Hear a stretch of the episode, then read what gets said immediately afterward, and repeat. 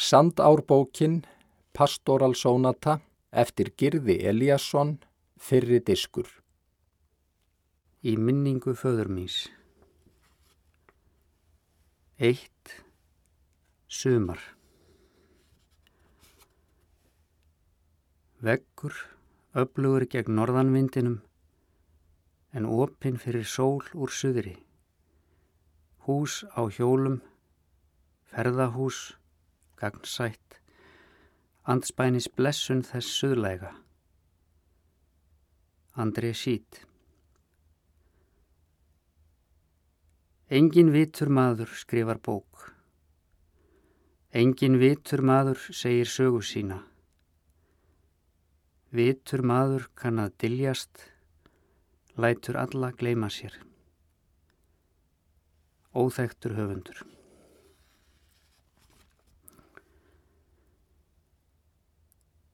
Þennan dag var dimmt yfir og nokkra regningardrópa sleitt úr lofti þegar ég fór inn eftir dalnum, þar sem skóurinn breyti úr sér upp um hlýðarnar. Ég var með lítinn bakpoka og gekk rösklega með fram terri áni, þraungan stíg millir lerkitrjáa sem ísúra barlikt lagði af. Stígurinn var dáltið blöytur sumstaðar og ég steig upp á fallna trjábóli til að vökna ekki í fæturna. Eins og venjulega fann ég til einkennilegar gleði þegar ég var komin svo langt inn á milli trjána að ég sá ekkert nema stopna og greinar. Það var sem græni liturinn slakaði á innri spennu. Þegar ég kom upp á hæðina þar sem grenið ógs hvað þjættast, hátt og beinvaksið, varð fyrir mér rjóður á hægri hönd. Og í þessu rjóðri, sem var þakkið háu grasi og bláklukkum, satt ung kona í rauðri regnkápu. Hún var með krosslagða fætur og virtist vera í djúpri hugleðislu. Ég staðnæmtist og horfi á hana. Hún var dökkarð og satt grafkýr með lokuð augu. Þótt ég sé alls ekki hugleðislu maður sjálfur, hikaði ég við að trubla hana þarna í saminningu sinni við allífið. Létt mér næja að stara á hana með velþóknun nokkra stund áður en ég helt áfram. Trúlega var hún af tjaldsvæðinu niður frá, handa með ána, beint á móti hjólísinu mínu. Ég gekk áfram eftir moldarveginum sem traktor hafi nýlega farið um, greinilega með trjábóli í eftir drægi. Fljótlega stóði ég á brúninni þar sem sá ofan í dalin. Allur skóurinn blasti við, förðu viðáttu mikill og þótt ég hefði staðið á þessari brekkubrúnu oft áður var ég alltaf jafn undrandi á gróskunni hérna rétt við auðnirnar. Fyrir neðan bugðaðist sandáinn og fjær sá í stóru jökulána sem vatt sig líkt og mórauði kirkislanga yfir gróður snöða sléttuna. Nýður í dalinn lá mjór stígur inn á milli lerkitrjáa sem hafðu farið ítla í síðasta eldgósi. Það var vikur við rætur þeirra og greinarnar drúftu óðilega mikið eins og þau væri sorgmætt yfir einhverju.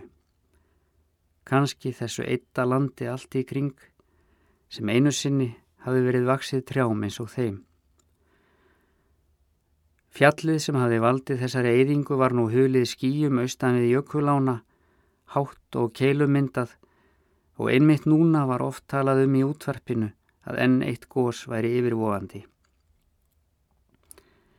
Ég gæti ekki sagt með góðri samvinsku að ég harmaði það sérstaklega því mér hefur alltaf langað til að sjá eldgós.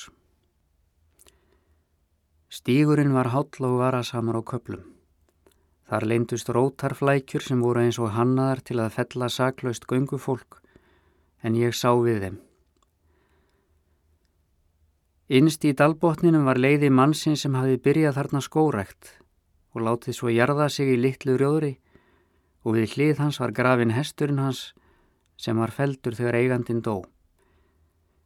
Ef ég hefði verið í hugleðislu hefði ég frekar stundað hana þarna en uppi á hæðinni þar sem rauðklætta konan hafi verið. Ég las á steinin sem hafi verið reistur yfir hestin. Hér er hegður góðhesturinn Blesi sem var feldur 26 vetra gamall og fylgir eigandar sínum á nýjar slóðir. Stafirnir voru greinilega högnir með bitlausum mikli. Það hafi flýsast úr steininum en samt var hægt að lesa áleitrunina nokkuð auðveldlega. Ég settist upp við látt blámálaða grindverkið kringum leiði mannsins, tók af mér bakpokan og dró upp kókflösku og suðusúkulaði. Ég braut af því tvær rendur og maulaði með ég saup á kókinu sem var reyndar hálf volt og ekki eins hressandi og það hefði þurft að vera. Ég heyrði láværa niðin í ánni skamt frá, léttan áslátt frá strjálum regndrópum á löfþeikju aspartrjána og söng í einmanna smáfugli. Ég fór aftur að hugsa um konuna á hæðinni, hvort hún væri þarna enþá og ég fylltist einhverju eirðarleysi. Reys á fætur og stemdi upp brekkuna í sömu átt og ég hafi komið úr. Ég var móður þegar ég kom upp á brúnina en helt áfram eftir slóðanum að rjóðurinu þar sem hún hafi verið.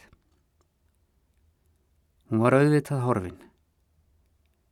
Ég starði andartak inn í rjóðrið eins og ég triði því ekki að hún væri ekki þarna lengur. Eins og ég heldi að hún hefði verið huldukona. Ég fann til óljósra vonbreyða, síðan snýr ég við og gekk fram á brekkubrúnina í annað sinn þennan dag. Ég stansaði hvergi á leið heim í hjólísið. Valdi annan stík tilbaka, nær fjallinu. Undir ábúðar miklum hömrum sem litu út fyrir að vera hrunnkjarnir, hafðu döknaða vætunni sem jógst jamt og þjett. Flíspeisan mín var orðin næstum gegn blöyt og moldin á stignum svört.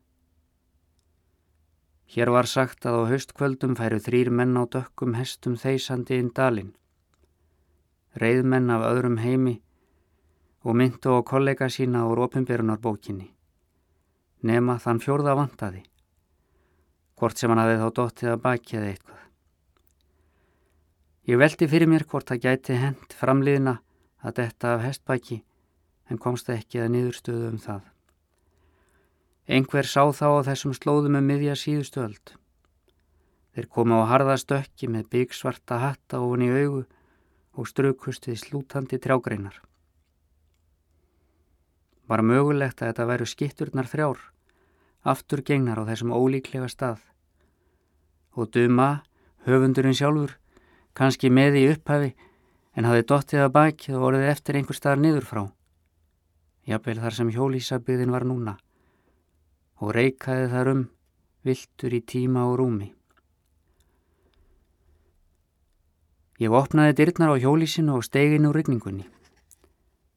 Þar var hlýtt og notalegt og dróparnir buldu á þakkinu meðan ég klætti mig úr blöytri yfirhöfninni.